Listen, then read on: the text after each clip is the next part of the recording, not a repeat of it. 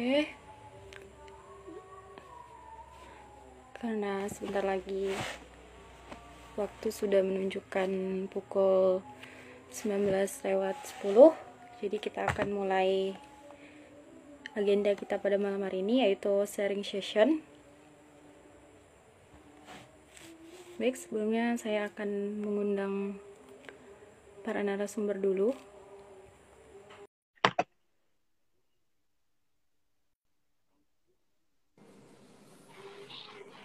Kita sudah bergabung bersama kita. Selamat malam Kak, selamat malam Bang. Selamat malam. Malam. Oke, sebelumnya Bismillahirrahmanirrahim. Assalamualaikum warahmatullahi wabarakatuh. Waalaikumsalam warahmatullahi wabarakatuh. Perkenalkan, saya Hanifatul Kulata ini. Uh, saya merupakan salah satu pengurus uh, Dewan Eksekutif Fakultas Usuluddin Adab, Adab dan Dakwah IAIN Pontianak. Di sini saya selaku host bersama kedua narasumber yang tentunya sangat luar biasa. Di sini sudah ada uh, Saudara Hendra Gunawan. Beliau merupakan Ketua Umum Dewan Eksekutif Mahasiswa Fakultas Usuluddin Adab dan Dakwah IAIN Pontianak. Dan di sini sudah bergabung juga bersama kita Kak Huzaimatul Hilaila. Beliau merupakan uh, Ketua Umum Dewan Eksekutif Fakultas Dakwah uh, UIN Kiai Ahmad Sidik Jember. Oke, sebelum kita memulai sharing kita pada malam hari ini, izinkan saya memperkenalkan uh, kedua narasumber kita. Baik, yang pertama yaitu Kak Huzaimatul Hilaila. Beliau lahir di Jember pada 13 April tahun 2000. Uh, eh, jenjang pendidikan beliau yaitu SD yang pertama, beliau menempuh sekolah di Sekolah Dasar Negeri 2 Kendit, Situbondo. Kemudian dilanjutkan di SMP Negeri 2 Kendit, Situbondo. Dan kemudian dilanjutkan lagi di Madrasah Aliyah Zainul Hasan 2 Genggrong, Probolinggo, dan sekarang beliau sedang menempuh pendidikan di UIN Kiai Ahmad Sidik Jember. Selanjutnya, narasumber yang kedua yaitu Hendra Gunawan. Beliau dilahirkan pada beliau dilahirkan di Pontianak pada tanggal 26 Agustus tahun 2000. Uh, eh, beliau menempuh pendidikan di SD Negeri 8 Pontianak Utara. Kemudian di sekolah SMP di 7 di SMP 7 Kota Pontianak dan di SMA Negeri 9 Pontianak dan beliau sekarang sedang menempuh pendidikan di IAIN Pontianak uh, di prodi KPI di Fakultas Usuluddin Adab dan Dakwah angkatan 2018. Uh, tadi uh, moto hidup Kak Huzaimatul ini yaitu tua itu pasti tua itu pasti, dewasa pilihan. Dan untuk moto hidup uh, saudara Hendra yaitu keep smile. ya, itu tadi biodata singkat dari kedua narasumber kita pada malam hari ini. Kepada narasumber kita yang luar biasa ini dipersilakan untuk memulai sharing sessionnya.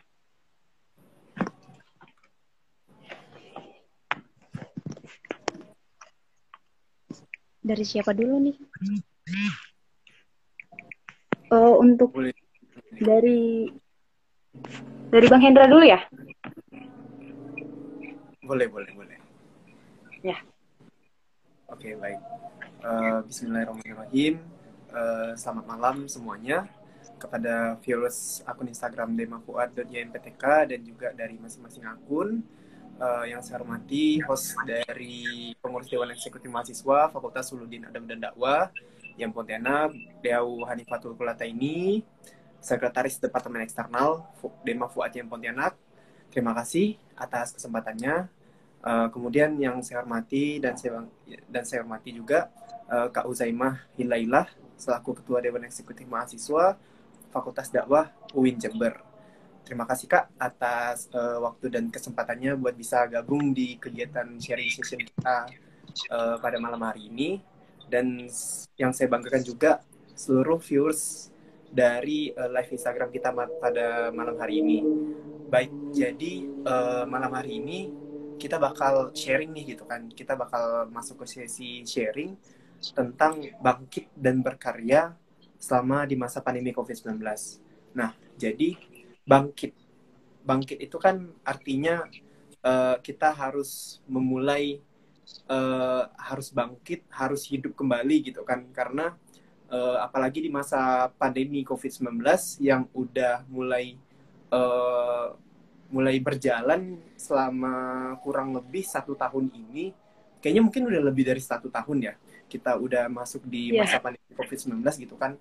Nah, uh, apa saja sih yang udah kita lakukan? Apa saja sih yang udah kita buat selama masa pandemi ini gitu kan? Karena uh, di masa pandemi ini kan kita uh, istilahnya kayak gimana ya? Kayak kita dikurangin uh, mobilitas kita, gerak kita di luar ketika kita di luar rumah gitu kan.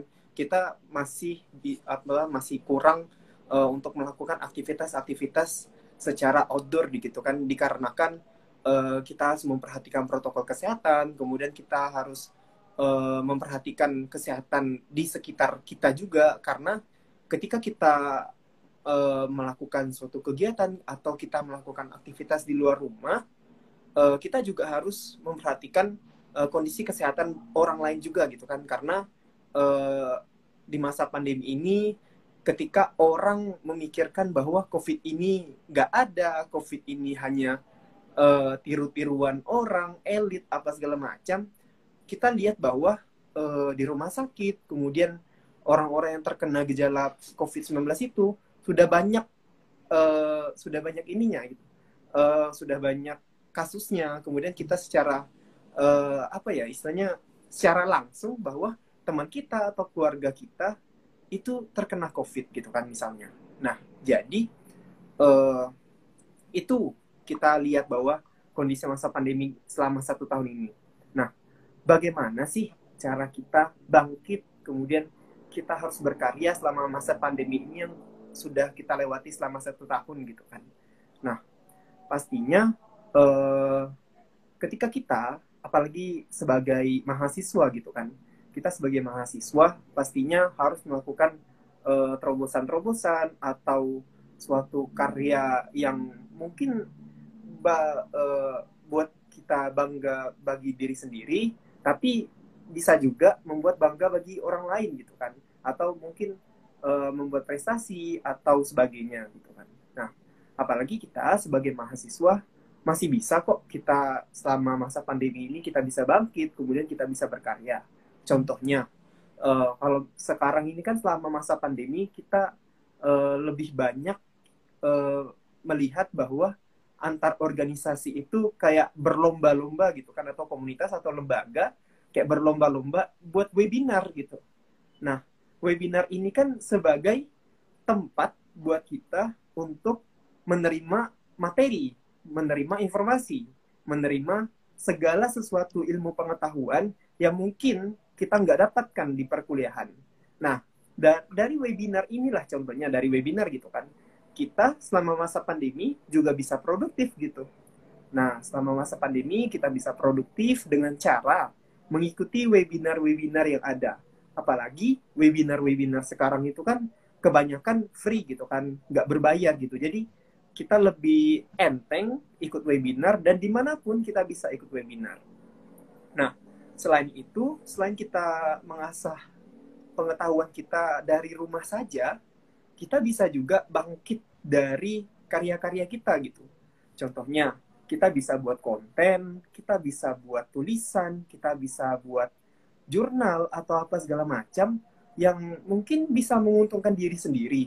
Karena uh, mungkin kebanyakan orang mikir bahwa selama masa pandemi itu eh, nggak uh, ada apa-apanya gitu kayak kosong aja gitu. Kayaknya kita harus di rumah aja gitu kan. Kita nggak perlu uh, kayaknya sia-sia deh kalau kita mau uh, melakukan sesuatu atau segala macam. Yang mungkin mikirnya mikir pendek itu kan kita nggak ada untungnya gitu kan. Padahal uh, ketika kita membuat suatu karya semacam konten atau uh, tadi saya sebutkan tulisan, jurnal dan sebagainya itu bisa menguntungkan diri sendiri loh gitu kan. Karena uh, ketika kita membuat sesuatu yang uh, membuat orang apa ya istilahnya kayak membagi positive vibes gitu kan bagi orang lain orang lain juga ketika melihat konten kita atau tulisan kita atau sebagai atau segala macamnya itu uh, membawa lihat bahwa ih gila gitu kan Hendra bisa buat konten A, konten B, bisa buat tulisan A, tulisan B gitu kan. Masa akunya nggak bisa gitu kan. Jadi uh, istilahnya kayak kita membawa positive vibes bagi orang bahwa uh, kita bisa loh bangkit dari pandemi ini kita bisa loh berkarya selama masa pandemi ini karena ketika kita sudah bangkit, ketika kita sudah berkarya, maka orang lain mungkin uh, mikirnya langsung, oh Hendra, Hendra kan bisa, masa aku nggak bisa gitu kan? Kan kita sama-sama manusia, sama-sama makan, sama-sama makan nasi atau makan mie instan gitu kan? Ya istilahnya sama makanan apa yang kita makan, sama minum air putih, sama melakukan aktivitas, tapi kita juga bisa melakukan hal-hal yang tadi saya sebutkan gitu kan. Karena kebanyakan orang biasanya pesimis duluan. Kayak lihat orang uh, kalau sekarang bahasa bahasa yang sering kita dengar itu kan kayak insecure gitu kan. Kita insecure dengan orang A yang bisa melakukan A, B, C, D, E, F, G gitu kan. Tapi kita nggak bisa melakukan A, B, C, D, E, F, G itu. Jadi uh, insecure duluan, akhirnya overthinkingnya seminggu gitu. Padahal satu minggu itu bisa kita lakukan hal-hal yang bikin bermanfaat bagi kita sendiri maupun bagi orang lain. Nah, kayak gitu. Jadi uh, mungkin ada beberapa tips sih bagi kita agar kita bisa bangkit, kemudian kita bisa berkarya selama masa pandemi ini gitu kan. Nah, yang pertama itu yang pasti kita harus uh, mulai um, hal apa ya sudahi rebahanmu gitu kan. Kita sudah selesailah rebahan kita nggak usah uh, lebih banyak rebahan gitu kan. Nggak usah banyak banyak istirahat banget gitu kan. Karena uh, kalau kita banyak rebahan terus kita hanya mikir eh pengen besok besok pengen uh, buat konten ini ah tapi kayaknya uh, nanti dulu deh gitu kan. Jadi hanya sekedar niat niatnya tuh lewat doang gitu kayak uh, niatnya jalan gitu langsung kayak permisi lewat gitu kan.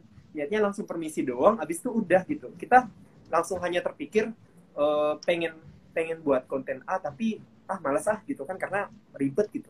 Nah itu kita harus uh, bangkit dulu kemudian kita selesaikan rebahannya istilah-istilahnya kan kayak mikir-mikir-mikir itu pertama sudahi rebahannya dulu gitu kan. Kedua yang pasti uh, mulai matangkan konsepnya, kemudian uh, niatkan betul-betul kita pengen produktif lah di masa pandemi ini, walaupun hanya di rumah saja gitu kan, dengan alat seadanya aja gitu kan, dengan dengan hanya gadget doang atau uh, tulisan atau segala atau atau kita membuat karya tulisan atau buat artikel dan sebagainya itu juga bisa uh, kita juga udah bisa produktif selama masa pandemi. Nah, yang kedua itu adalah niat. Yang ketiga, langsung kita kerjakan, langsung kita eksekusi, kita buat uh, apa namanya tadi konten atau konsep yang kita pengen buat nanti ketika kita sudah kerjakan, kita pelan-pelan, istilah kita cicil lah gitu kan. Minimal selama satu minggu karya atau konsep yang kita sudah buat itu harus selesai gitu kan. Nah yang terakhir uh, konsepnya harus mulai dicek dulu kemudian ketika kita sudah selesai uh, membuat konsep itu maka jadilah karya yang kita sudah konsep dan akhirnya sadar bahwa uh, kita sudah produktif selama masa pandemi kita sudah bangkit dari masa pandemi ini dan pastinya kita punya uh, istilahnya jejak jejak digital gitulah.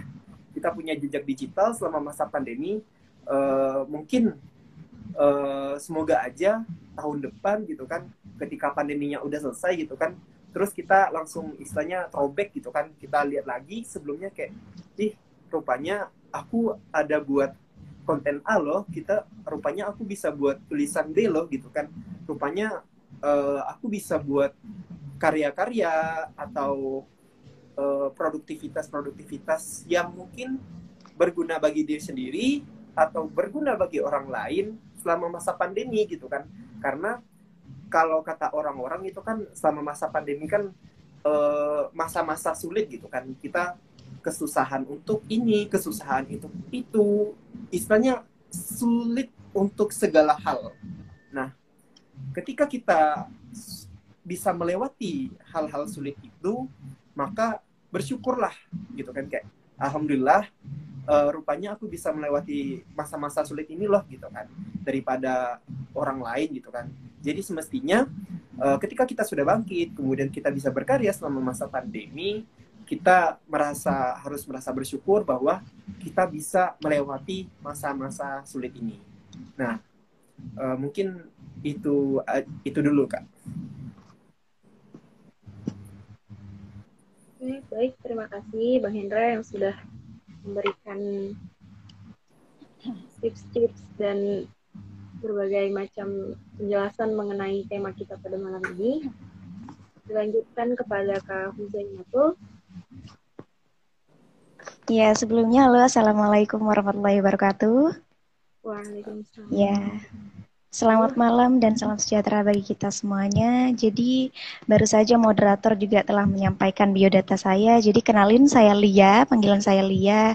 Saya dari Dewan Eksekutif Mahasiswa Fakultas Dakwah IAIN Jember yang alhamdulillah saat ini sudah bertransformasi ya menjadi UIN Has Jember atau UIN Kiai Haji Ahmad Sidi Jember. Nah, jujur eh, sebelumnya saya ucapkan terima kasih yang sebesar-besarnya kepada Dewan pengurus ya kepada Dewan Eksekutif Dewan Eksekutif Mahasiswa Fakultas Usuluddin Adab dan Dakwah IAIN Pontianak terkhusus kepada Ketua Dema Fuad saya sampaikan terima kasih dan kepada Departemen Eksternal saya sampaikan terima kasih karena ter, eh, apa namanya mengundang saya untuk bergabung dalam acara sharing session kali ini. Jujur eh, beberapa hari yang lalu salah satu dari salah satu departemen eksternal menghubungi saya bahwasanya akan mengadakan sharing session begitu ya. Jujur saya kaget, tapi saya merasa bangga bahwasanya ini merupakan salah satu bagian dari relasi ya, dari relasi Dewan Eksekutif Mahasiswa Fakultas Dakwah. Jadi belum pernah terfikirkan dalam benak saya bahwasanya saya akan uh, memiliki memiliki hubungan dengan IAIN Pontianak karena dalam benak saya Pontianak jauh ya gitu loh.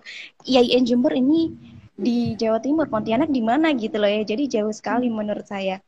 Dan saya harap nantinya IAIN Jember bisa uh, bertemu langsung dengan teman-teman di IAIN Pontianak, begitupun sebaliknya. Nanti IAIN Pontianak juga ditunggu kehadirannya di IAIN Jember ya. Jadi uh, gini ya, melihat dari tema yang ditawarkan, menurut saya ini sangat menarik sekali dan membuat saya sadar bahwasanya saya harus melakukan sesuatu.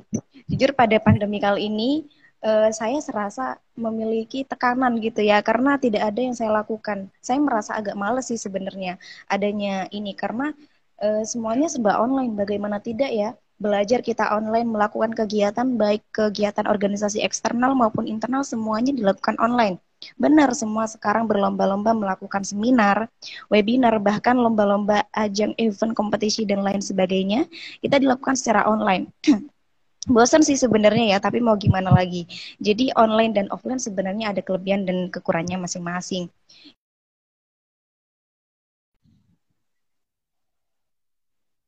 Kita harus bangkit. Cocok sih ya sebenarnya. Tema ini adalah bangkit dan berkarya. Jadi bangkitnya tidak sendirian, bangkit dan berkarya. Halo? Iya, Kak. Ini saya putus-putus nggak? di sini jelas kak. Oh iya. Jadi saya rasa tema ini cocok sekali ya dan sangat relevan gitu ya, sangat selaras lah gitu. Jadi kalau bangkit harus ada karya, jangan hanya bangkit saja dan jangan hanya karya saja seperti itu.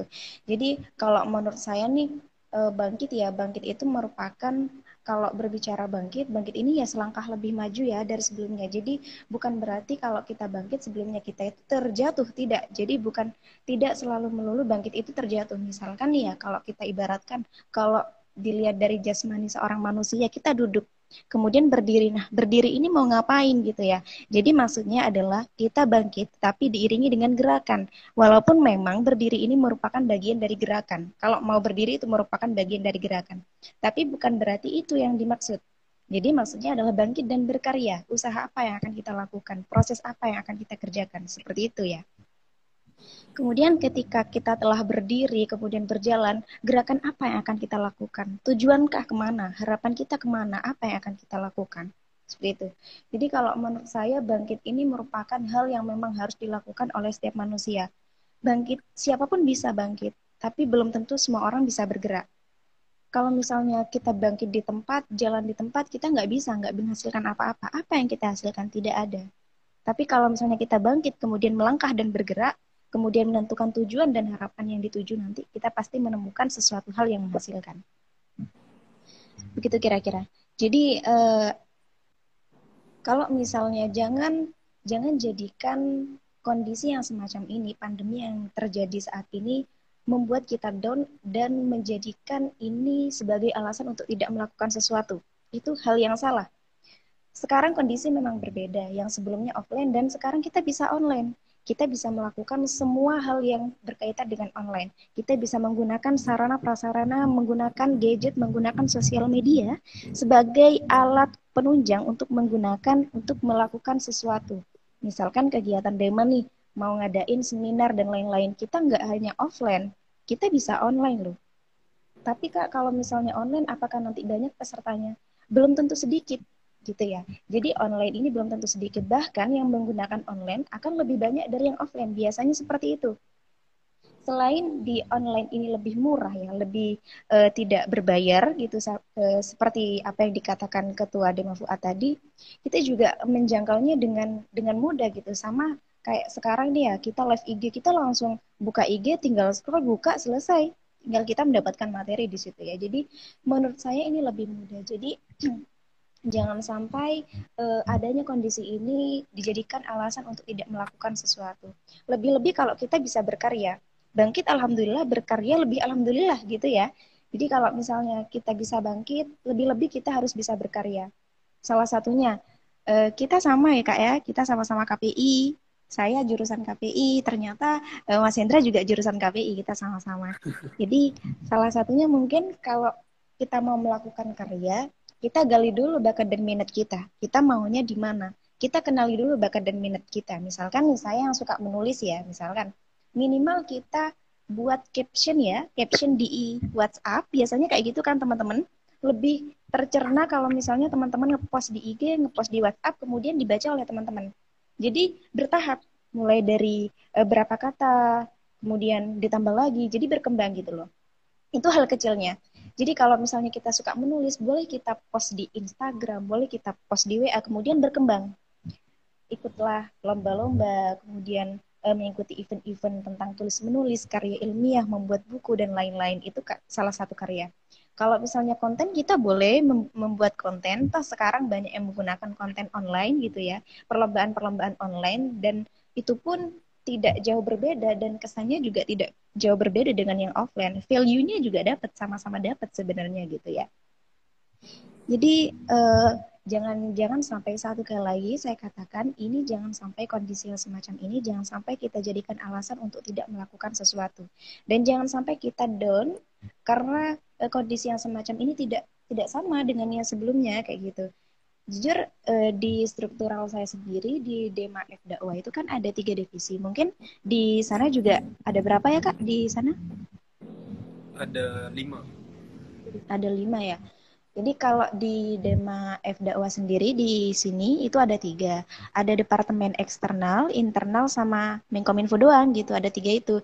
Jadi kalau yang internal kan mungkin lebih ranahnya kepada Eh, kegiatan yang di dalam kampus gitu ranahnya kepada mahasiswa fakultas dakwah itu sendiri.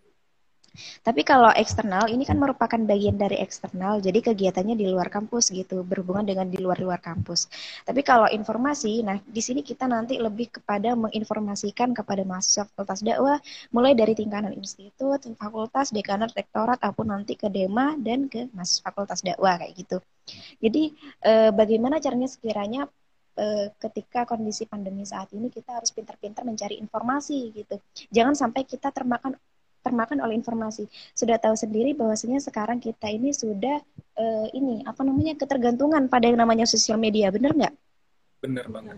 Ya, jadi sekarang ini kita ketergantungan sama yang sosial media. Sehari aja nggak usah pegang HP, nggak bisa.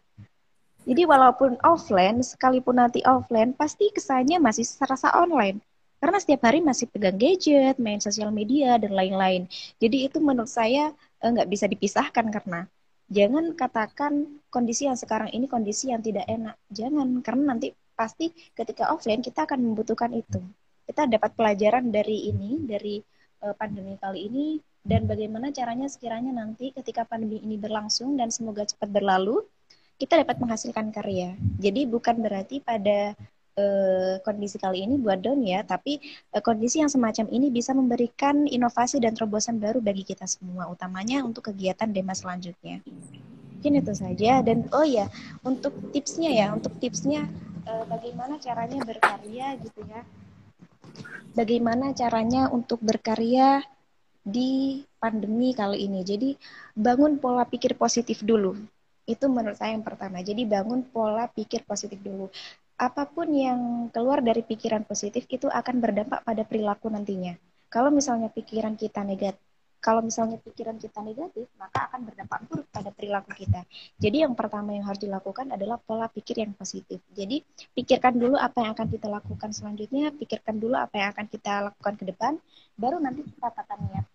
Setelah tata niat, eh, kita tata niat, selesai tata niat, baru kita uh, gali bakat dan minat kita. Kita sebenarnya bakatnya di mana, minatnya kita di mana. Kalau misalnya bakatnya kita memang ditulis menulis, minatnya ya harus ditulis menulis. Jangan ketika tulis menulis kita ikut lomba renang kan nggak masuk akal ya.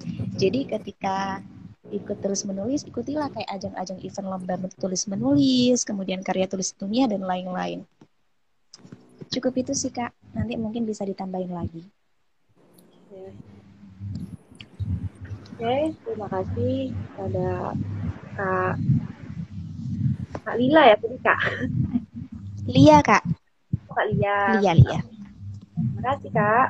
Juga terima kasih kepada Bang Hendra yang sudah menyampaikan materi yang berbiasa ya, ya yang membuat viewers yang tadinya bingung, yang selama ini mungkin merasa terkendala dengan adanya semua serba online padahal tidak semuanya kegiatan yang dilakukan secara online itu eh, membosankan. Tidak semuanya uh, pandemi ini dampaknya negatif. Ada dampak positifnya bagi kita. Asal kita pandai mengelola itu semua ya tadi tips yang sudah diberikan oleh Bang Hendra tips kak yang diberikan oleh Kak Lila Kak Lia uh, selanjutnya mungkin untuk para siswa jika ada yang ingin ditanyakan, silahkan ditulis di kolom komentar. Nanti akan dijawab sama Bang Hendranya dan Kak Lian.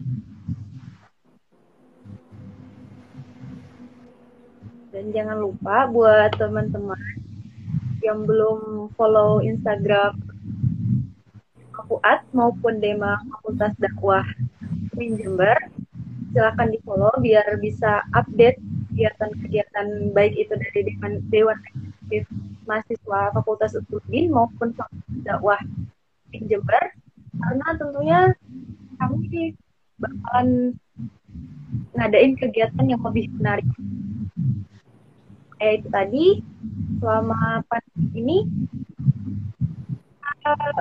berusaha produktif, ya, berusaha untuk tetap melakukan tetap uh, melakukan karya itu tadi. Ya, baik buat teman-teman yang ada, jika ada yang persilahkan untuk menulis pertanyaannya di kolom komentar.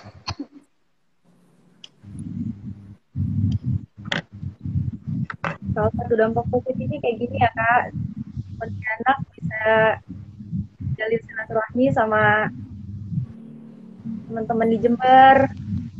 Boleh, boleh. Ditunggu kehadirannya ya, Kak. Ditunggu juga kehadirannya di podcast. sekarang secara online dulu ya kak ya bang iya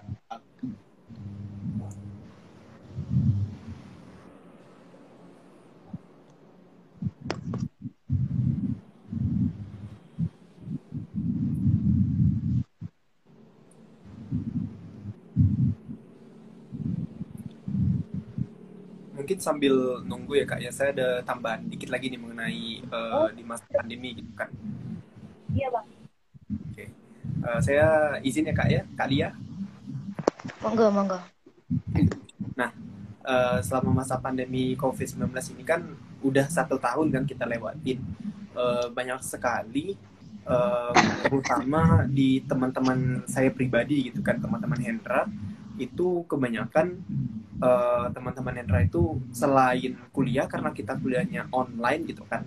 Jadi uh, karena bagi teman-teman itu agar produktif juga selama masa pandemi itu jadi selain teman-teman Hendra itu mulai aktif di organisasi atau kegiatan-kegiatan nah teman-teman itu juga banyak yang selain berkarya gitu kan teman-teman itu uh, juga meluangkan waktunya itu untuk bekerja.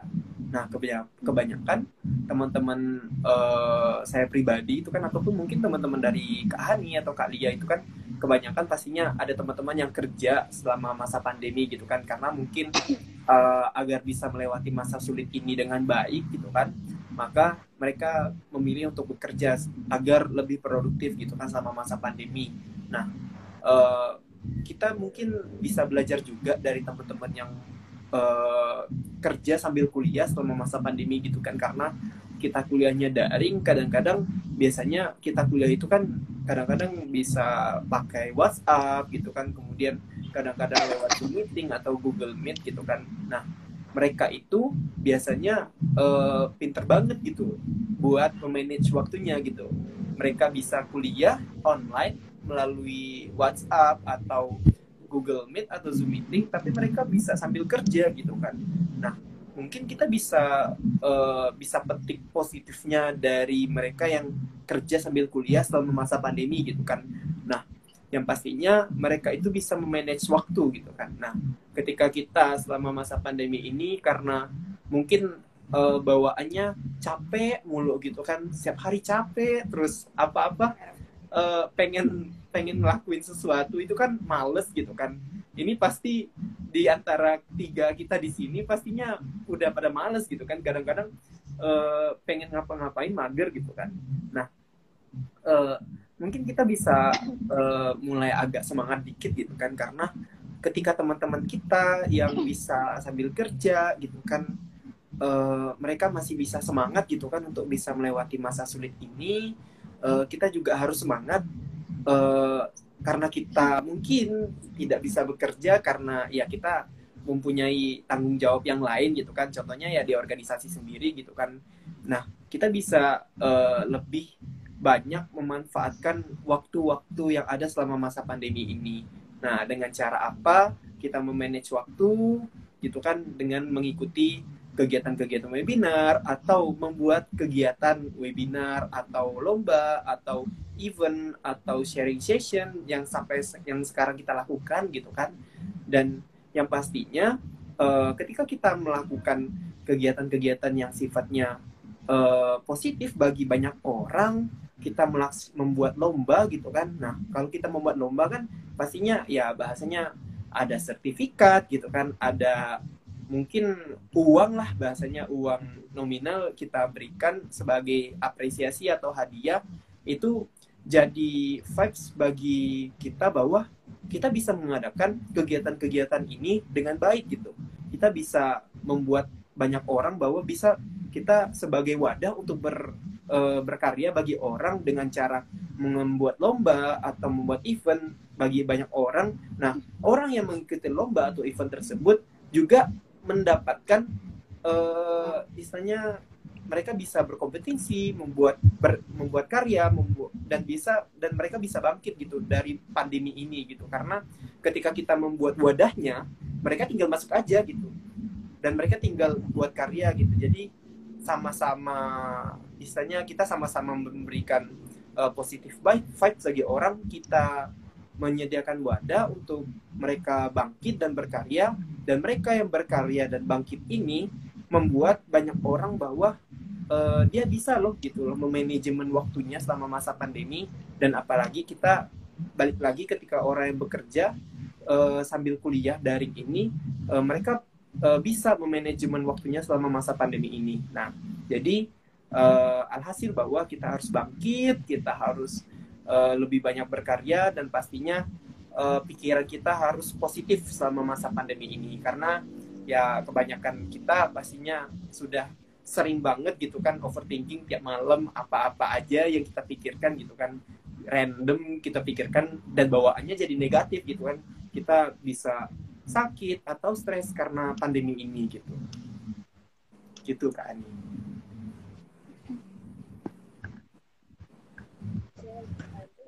tambahan dari Bang Hendra ya.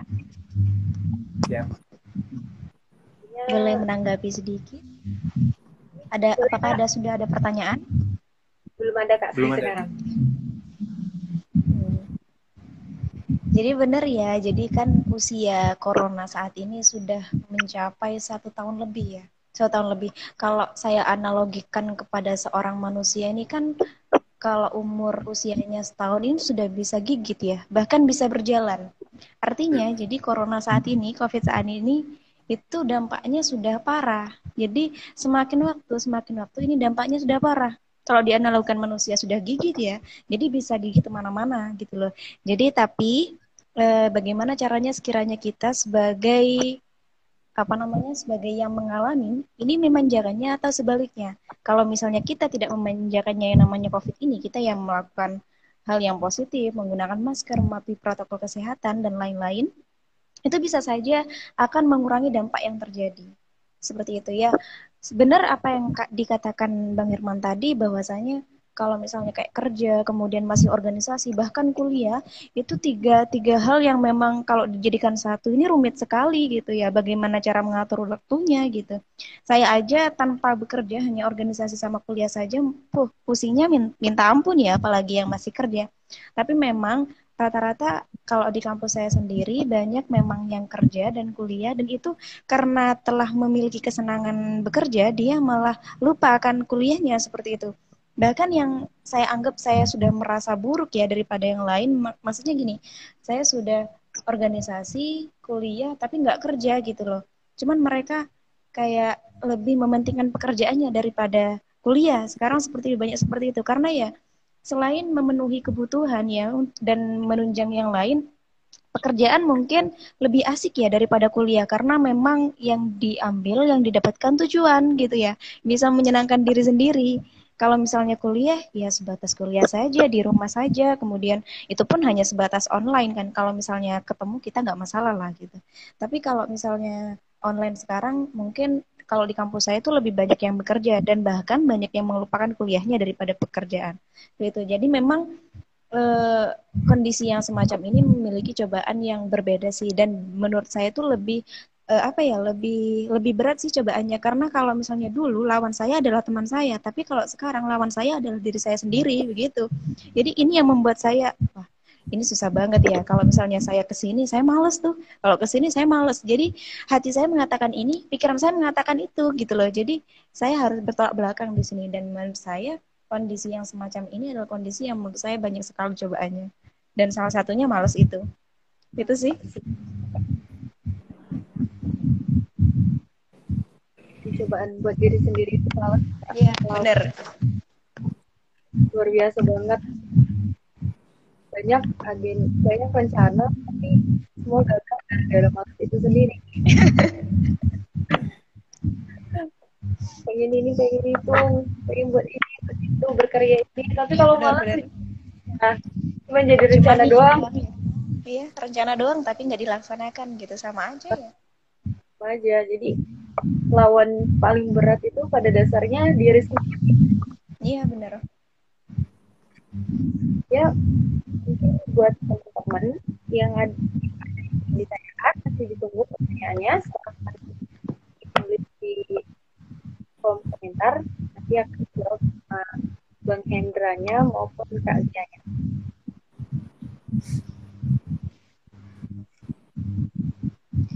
Ini jujur ya kak, saya itu baru baru raker satu minggu yang lalu loh. Jadi saat ini masih belum melaksanakan program apa pun, satu pun belum sama sekali. Jadi kan oh. rakernya baru seminggu yang lalu gitu. Saat ini masih ini ya, masih beradaptasi itu ya dengan Ormawa, dengan RM dakwah kayak gitu. Jadi masih berbaur lah sama HMPS HMPS kayak gitu. Dan makanya saya kaget ketika ada salah satu departemen eksternal gitu ya tiba-tiba ngechat saya untuk menjadi ini di acara kali ini. Saya kaget gitu ya. Loh baru baru ngelaksanain raker baru pelantikan kok wes nganu gitu. Saya merasa kayak saya nggak cocok gitu loh.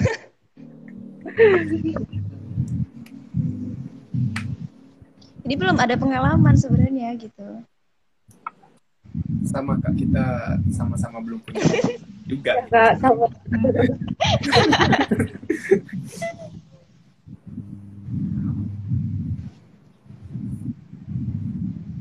Mungkin yang lain masih istirahat ya? Iya kak, masih istirahat juga.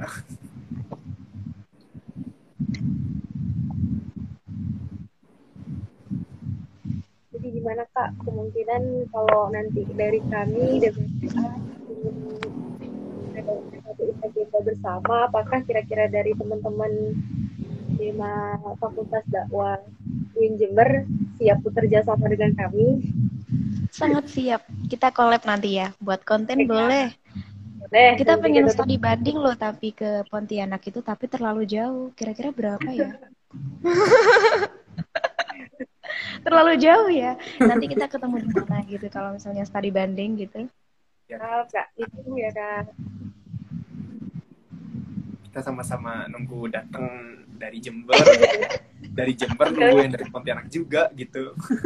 Sama-sama menunggu jadi nggak jalan-jalan gitu ya. Nggak mau datang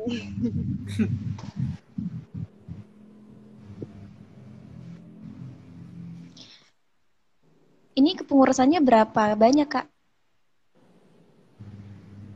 Tujuh orang ya bang? 25 25 25 Iya. Banyak ya. Dari Itu pelantikannya kapan, Bang?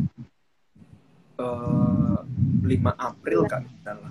Bulan April oh, ya. Berarti uh, sebelum puasa ya? Iya, sebelum iya. bulan puasa.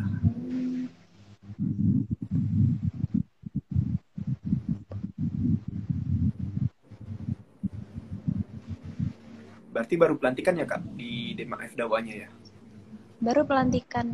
Kemarin kita pelantikan serentak sama DMI juga sama fakultas yang lain juga. Tanggal 28 itu Mei baru pelantikan. Rakernya kalau dakwah sendiri tanggal 31 Mei kemarin. Baru seminggu yang lalu. Baru banget ya, Kak. Dan sekarang juga masih ini di kampus kan, masih kayak perbaikan-perbaikan kayak administrasinya, sistem-sistemnya gitu kan. Secara kita kan baru bertransformasi gitu kan, yang awalnya YIN jadi Winhas gitu kan, baru diresmikan juga. Jadi kayak logo, bendera, dan lain-lain itu harus dirubah. Mantap ya kak ya, semoga administrasinya harus dirubah. Minta doanya kak, YIN Pontianak. Amin. Amin, amin.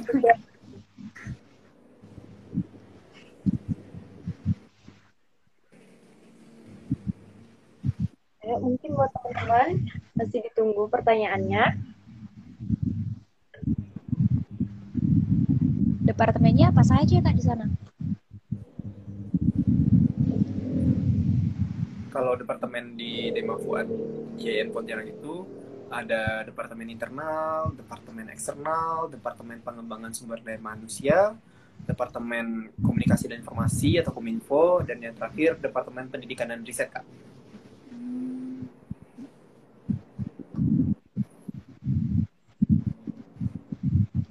Kak, kalau misalnya ada informasi mengenai kayak Dema Nusantara gitu ya, bisa komunikasi lagi. Oh, siap Kak. Karena saya belum ini sih belum dapat informasi terkait dengan kayak perkumpulan gitu loh, komunikasi dengan Dewan Eksekutif Mahasiswa Fakultas se-Indonesia gitu. Kalau misalnya nanti uh, ada kan enak gitu. Kita bisa bertemu di sana. Uh, mohon maaf Kak, Bang, ini udah ada pertanyaannya masuk nih dari Bang Sapran yang kebetulan dia merupakan bidang dari departemen eksternal. Jadi beliau bertanya gini, oh, kayaknya pembahasannya menarik nih. Kira-kira bagaimana nih bangun rasa percaya diri agar bisa tampil di performa yang maksimal kurangnya pengalaman di bidang tersebut. Terima kasih. Sama-sama. Sama-sama. Saya mungkin dari siapa dulu dari kalian atau Bang Hendra dulu ya jawab. Kalian aja. Oh kalian aja. Ladies first. Oke, jadi ini ya pertanyaannya bagaimana caranya menumbuhkan rasa percaya diri gitu ya. Pertama saya sampaikan kalau misalnya pertanyaannya seperti itu, pertama ya bangun pola pikir positif kita terlebih dahulu semuanya harus uh, diawali dengan itu. Jadi kalau misalnya dari pikiran kita positif, pastinya nanti akan berdampak pada tindakan kita. Yaitu kedua, kenali kekurangan dan kelebihanmu. Kekuranganmu apa, kelebihanmu apa. Ya kali pada diri sendiri kita nggak tahu kekurangan kita apa dan kelebihan kita apa gitu ya. Jadi uh, kita sebagai manusia ya, sebagai seseorang tuh harus mengetahui dan mengenali apa kekurangan kita dan kelebihan kita. Jadi kalau misalnya kekurangan kita di sini nih, oh berarti uh, kita harus menutupi dengan ini supaya menjadi kelebihan bagi orang lain kayak gitu ya. Kemudian yang ketiga adalah fokus pada satu langkah, jangan bercabang. Kalau misalnya kita fokus pada satu langkah tujuannya ke situ. Misalkan nih ya, dari IAIN Pontianak mau ke Jember nih tapi lewat Surabaya. Kan salah. Jadi kalau misalkan memang tujuan kita ke Jember dari Yain Pontianak ke Jember ya udah ke Jember aja jangan ke mana-mana. Kalau misalnya ada yang mudah kenapa dipersulit gitu kan ya? Kalau ada yang cepat kenapa diperlambat? Kayak gitu.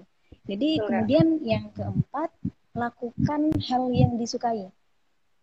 Lakukan hal yang disukai. Misalkan e, minimal kayak gini hal kecilnya aja ya. Kalau kalau saya pribadi ya kalau saya melakukan sesuatu yang indah atau merasakan sesuatu, saya biasanya itu mem memfoto, memfoto hal itu, kemudian saya posting dan saya beri caption di bawah. Nah kayak gitu. Itu jadi lakukan hal yang kalian sukai. Misalkan kalian suka menggambar ya udah gambar aja. Misalkan hanya hanya dengan sebuah gambar pensil satu, namun nanti dikembangkan mungkin pensil di atas rak, ditambah lagi eh pen pensil di atas rak, kemudian di atas meja gitu ya. Jadi dikembangkan jadi lakukan yang poin ketiga adalah lakukan yang paling kalian sukai. Mulai dari hal kecil sampai dari hal besar.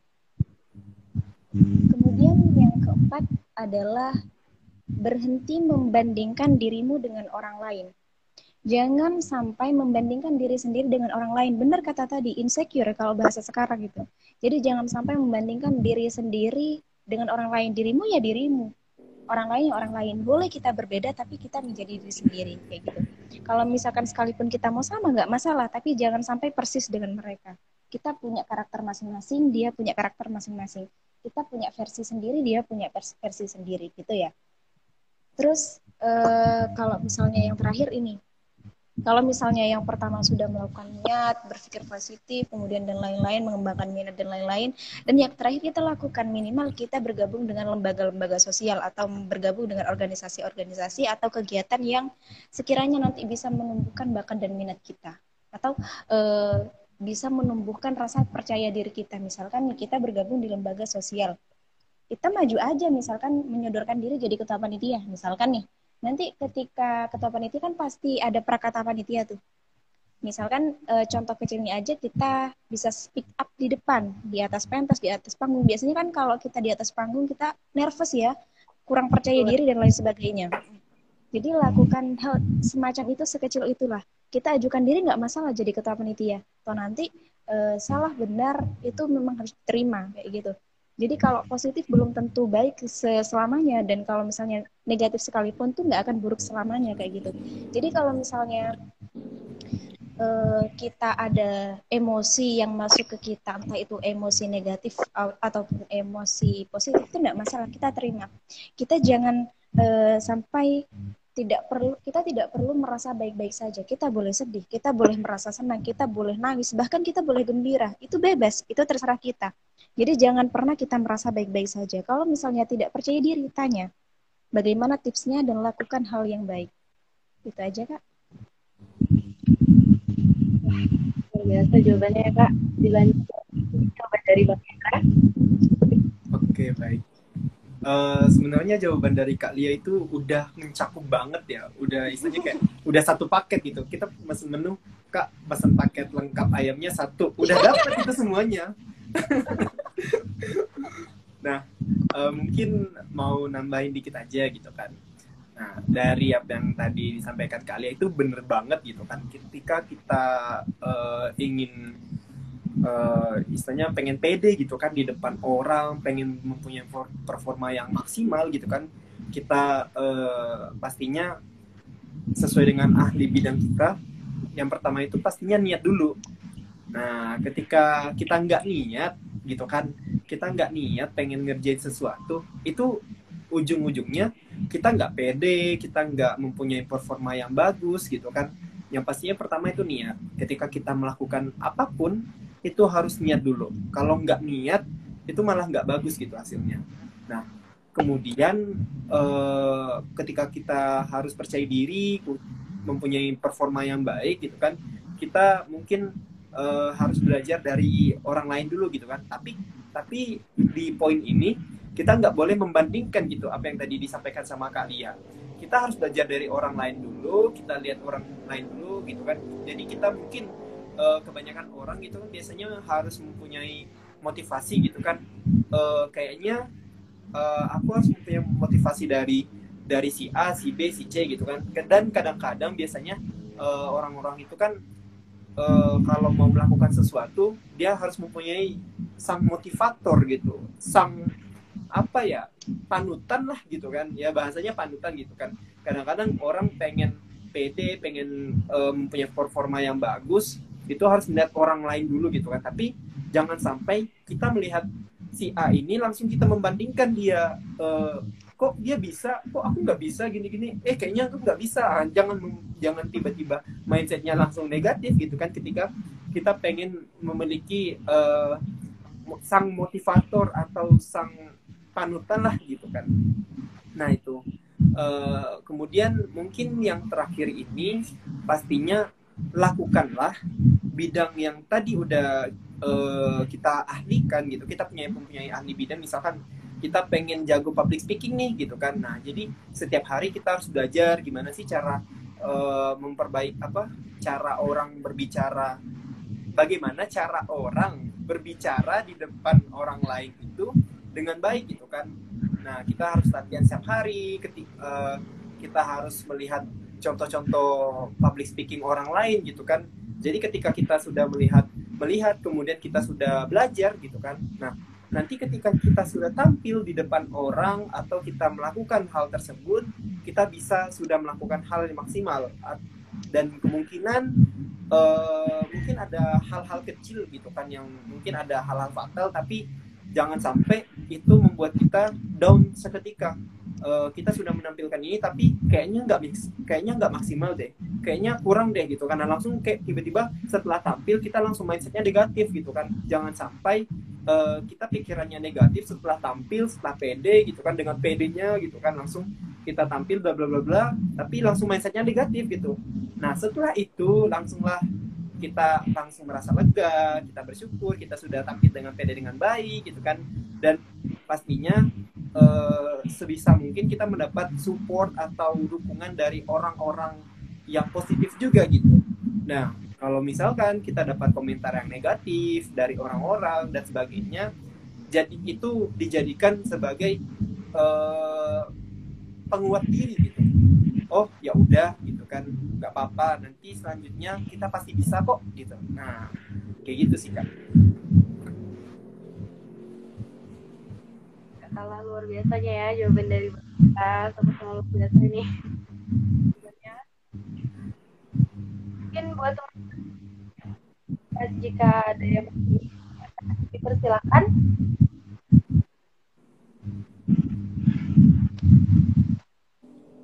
Ibarat lo sama nanti pada dakwahnya karena baik itu Dema Fuad untuk dakwah ada tim eh, acara yang terbuka oleh acara mahasiswa IAIN Pontianak ataupun membernya. Jadi boleh di follow untuk eh, update mengenai agenda dari eh, tema ini.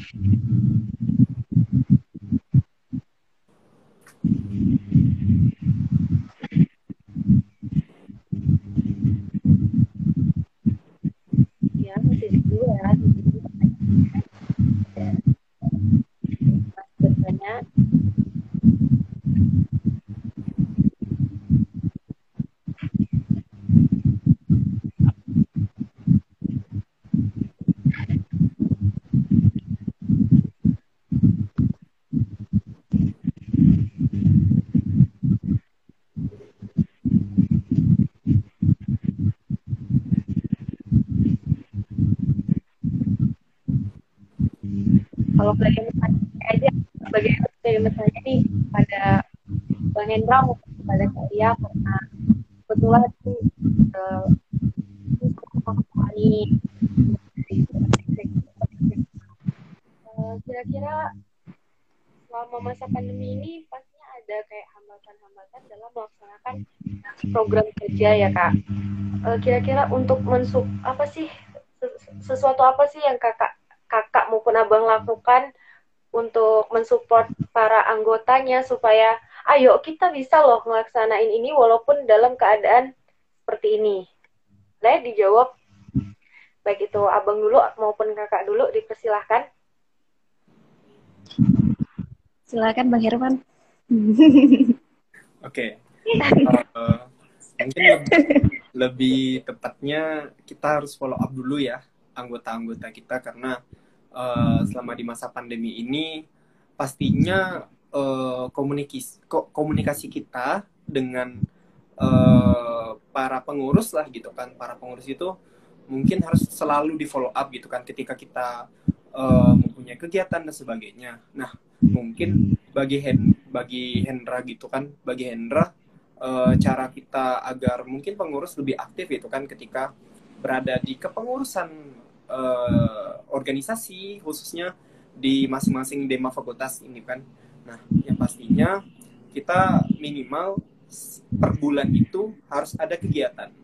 Nah, jadi ketika kita ada kegiatan di masing-masing departemen, masing-masing pengurus juga mempunyai tanggung jawab yang sama, gitu kan. Kita juga mempunyai uh, rasa tanggung jawab kita yang mempunyai kegiatan, kita harus melaksanakan gitu. Ketika kegiatan apa ya, istilahnya uh, kita sudah melimpahkan apa kita sudah mengonsep kemudian kita melimpahkan kegiatan itu ke departemen masing-masing. Nah departemen itu sewajibnya harus melaksanakan kewajiban uh, untuk melaksanakan kegiatan-kegiatan yang sudah diberi uh, tanggung jawab gitu kan. Karena dengan cara inilah sebenarnya pengurus bisa aktif gitu. Nah jangan sampai uh, selama masa pandemi ini kita tidak melakukan hal-hal uh, yang mungkin membuat pengurus itu tiba-tiba hilang, tiba-tiba kita di ghosting loh gitu sama pengurus gitu kan. Masa kita di ghosting gitu kan sama pengurus. Nah, udah-udahlah gitu jangan di ghosting. Nah, jadi agar kita tidak di ghosting gitu kan sama pengurus, kita uh, semestinya harus lebih aktif melalui kegiatan-kegiatan yang ada karena dengan kegiatan inilah pengurus bisa mensibukkan dirinya untuk lebih aktif mengkonsep kegiatan-kegiatan yang sudah disusun. Karena dengan adanya program kerja, kita juga sudah termasuk uh, sudah mulai mengkonsep gitu kan. Kita sudah tidak bisa mengghostingkan diri gitu. Nanti kalau misalkan ini misalnya si uh, si A udah dikasih uh, tanggung jawab gitu untuk memegang kegiatan. Misalkan si B ini ketua kepala departemennya ketika si A ini ghosting tiba-tiba hilang aja gitu kan. Nah si B ini kan langsung kocar kacir gitu bingung gitu kan. Kalau dia tiba-tiba ngeghosting tinggal kita eksekusi aja gitu. Kenapa nggak melaksanakan tanggung jawab gitu kita follow up terus gitu. Nah uh, sama apa ya uh, pastinya kita harus sering-sering komunikasi juga gitu sama pengurus kan uh, mungkin minimal rapat antar hmm. departemen gitu kan. Atau mungkin uh, basa-basi ya basa-basi gitulah basa-basi kayak lagi apa bla bla bla bla bla gitu kan. Atau balas-balas stories WA atau stories Instagram gitu kan. Biar kayak inget loh kita pengurus masih pengurus loh gitu. Ya hitungannya kan masih beberapa bulan lagi kita sudah selesai gitu dari kepengurusan. Jangan sampai uh, ketika ketika sudah selesai dari dari kepengurusan tiba-tiba langsung nyesel gitu kan. Loh udah selesai kepengurusan aja gitu kan. Kayaknya nyesel aja gitu. Kok aku nggak bisa ngelakuin ini ya nggak bisa ngelakuin itu ya selama uh, di kepengurusan gitu kan. Jadi uh, maksimalkan mungkin ketika kita berada di kepengurusan dan pastinya bagi pengurus-pengurus uh, Dema Fuad atau di Dema Fakultas Dakwah semoga uh, selalu aktif gitu kan ketika uh, kita mengadakan kegiatan atau hal lain sebagainya begitu kak. Oke, terima kasih Bang Hendra. Mungkin boleh dilanjutkan jawabannya sama Kak ya. Iya, jadi kalau dari saya pribadi, jadi kan saya baru dilantik nih ya. Jadi uh, ini merupakan memang salah satu awal awal dari kita ya karena memang belum melaksanakan program. Jadi kalau yang saya lakukan saat ini adalah masih beradaptasi dengan mereka secara mereka kan dari latar belakang yang berbeda-beda. Jadi dari lima prodi ini dijadikan dari jadi satu mulai dari KPI, PMI dan lain-lain kayak gitu ya. Jadi semua prodi dari lima prodi ini dijadikan satu. Jadi bagaimana caranya sekiranya kita bisa uh, mengkomunikasikan dengan mereka satu persatu dan biasanya saya itu kalau misalnya uh, apa namanya lebih pendekatan emosionalnya dulu ya. Jadi pendekatan emosional kepada mereka dengan cara apa?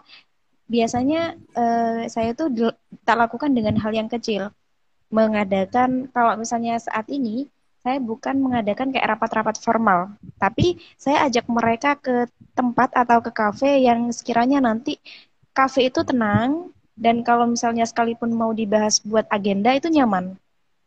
Jadi biasanya teman-teman saya ajak ngopi gitu loh. Teman-teman saya ajak ngopi di kafe dan lain-lain. Dan itu pasti kalau misalnya saya ngajak, pastinya nanti dibebankan ke saya dong ya.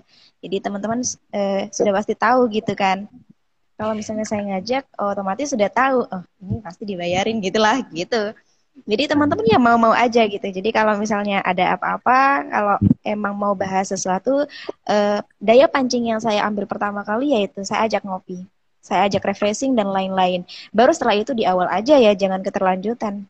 Hilang uang saya semuanya. Lama-lama di awal-awal saja iya bangkrut saya lama-lama. Ngopi kayak gitu ya.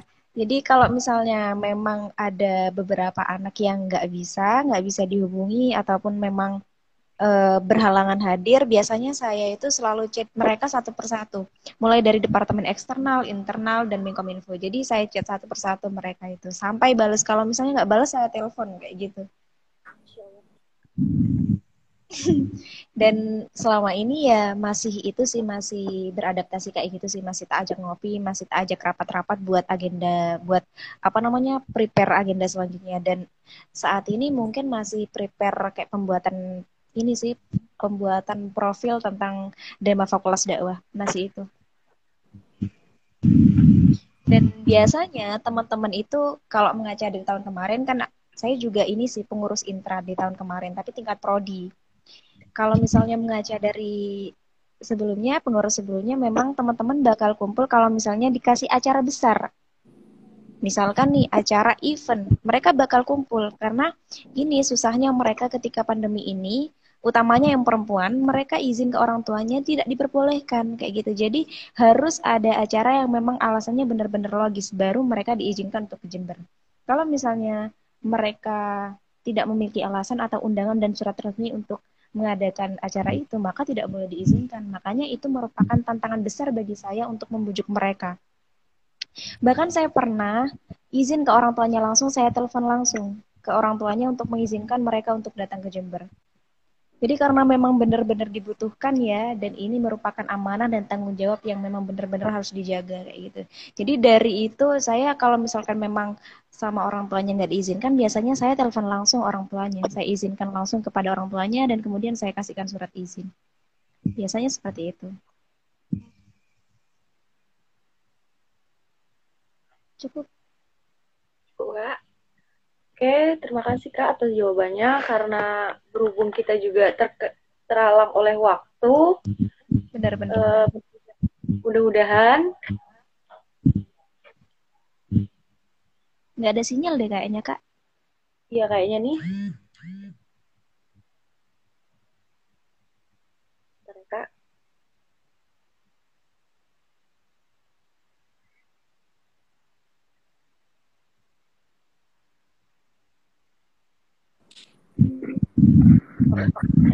Terputus ya bang. Sorry kak. Oke, karena memang terkendala oleh waktu juga kita ya kak. Mudah-mudahan nanti kita bisa kerjasama di agenda selanjutnya ya kak. Ya. Uh, terima kasih kak. Terima kasih juga buat Bang Hendra. Terima kasih buat kalian sudah meluangkan waktunya untuk uh, mengisi acara sharing session ini. Jangan lupa buat teman-teman, baik itu teman-teman dari Dema Fakultas Suludin Adab dan Dakwah maupun Dema Fakultas Dakwah sendiri buat saling follow Instagram Dema Fuad dan Dema Dakwah. Uh, terima kasih kak, terima kasih bang. Uh, saya tutup acara sharing session pada malam hari ini. Saya Hanifatul Kulata ini selaku host.